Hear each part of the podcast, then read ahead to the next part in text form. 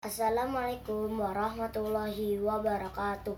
Pendengar yang budiman Bersua kembali di The Mall Story. A Mall is a God's Mystery. Bersama saya Dafa Ahmad Fadilah Pada episode kali ini Saya memilih Agnes Mo sebagai sosok inspiratif yang memiliki tahi di lehernya.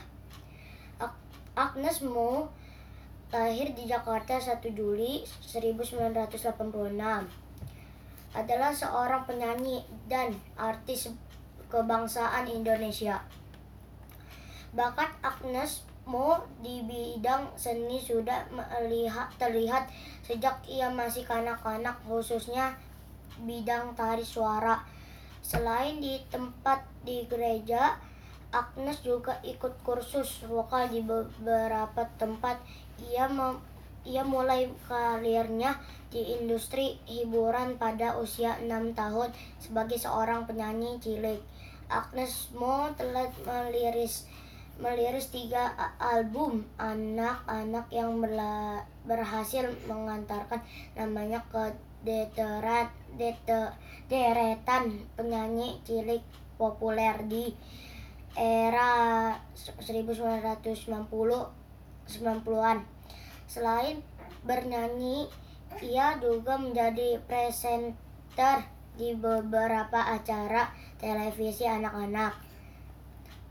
Saat menginjak usia remaja, Agnes Mo mulai terjun ke dunia seni peran.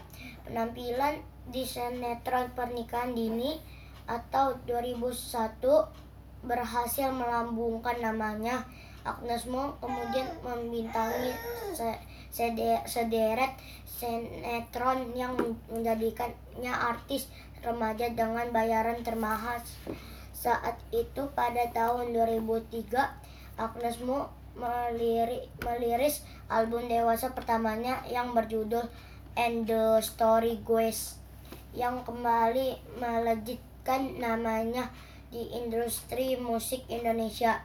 Kesuksesannya di tanah air mendorong Agnes Mo memasang target untuk bisa ter- berkarir di, ka- di kancah internasional.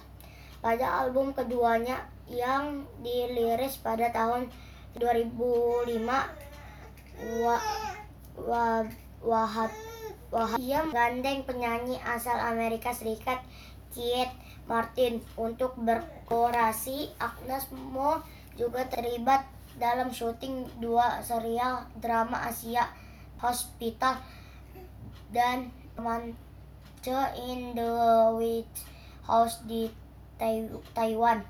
Agnes Mo berhasil meraih penghargaan dua tahun berturut-turut atas penampilan di di ajang Asia Song Festival Seoul, Korea Selatan. Pada tahun 2000 2008 dan 2009 pada album ketiganya Shkredi Agnes Moi Mois Moisus atau 2009 ia mulai terlibat sebagai produser dan penulis lagu. Pada tahun 2010 ia diangkat sebagai salah satu juri pada ajang pencarian bakat Indonesia Idol. Ia juga menjadi salah satu pemadu acara pada karpet merah per- pegelaran America Music Awards 2010 di Los Angeles, Amerika Serikat. Agnes Mo merupakan penyanyi dengan jumlah penghargaan paling banyak di Indonesia. Hingga saat ini ia telah memenangkan 170 tro- trofi dari 327 nominasi yang diperolehnya. Memperhatikan cerita singkat di atas yang di- dikutip dari situs Wikipedia.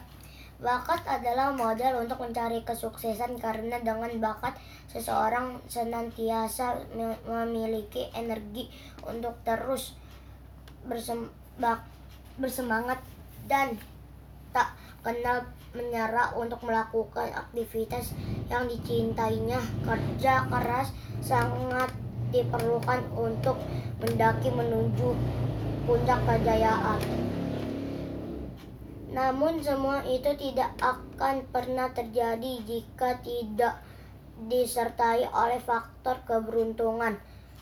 Dari mana faktor keberuntungan itu berasal? Dari mana lagi jika bukan dari Tuhan? Seyok, seyok yang ya jika seseorang telah meraih kesuksesannya hendaklah ia bersyukur bersyukur bisa ber, berwujud ketaatan kepada Tuhan dan berbagi kebahagiaan dengan orang-orang terdekat, kerabat, teman, tetangga, dan kepada semua manusia di dunia ini.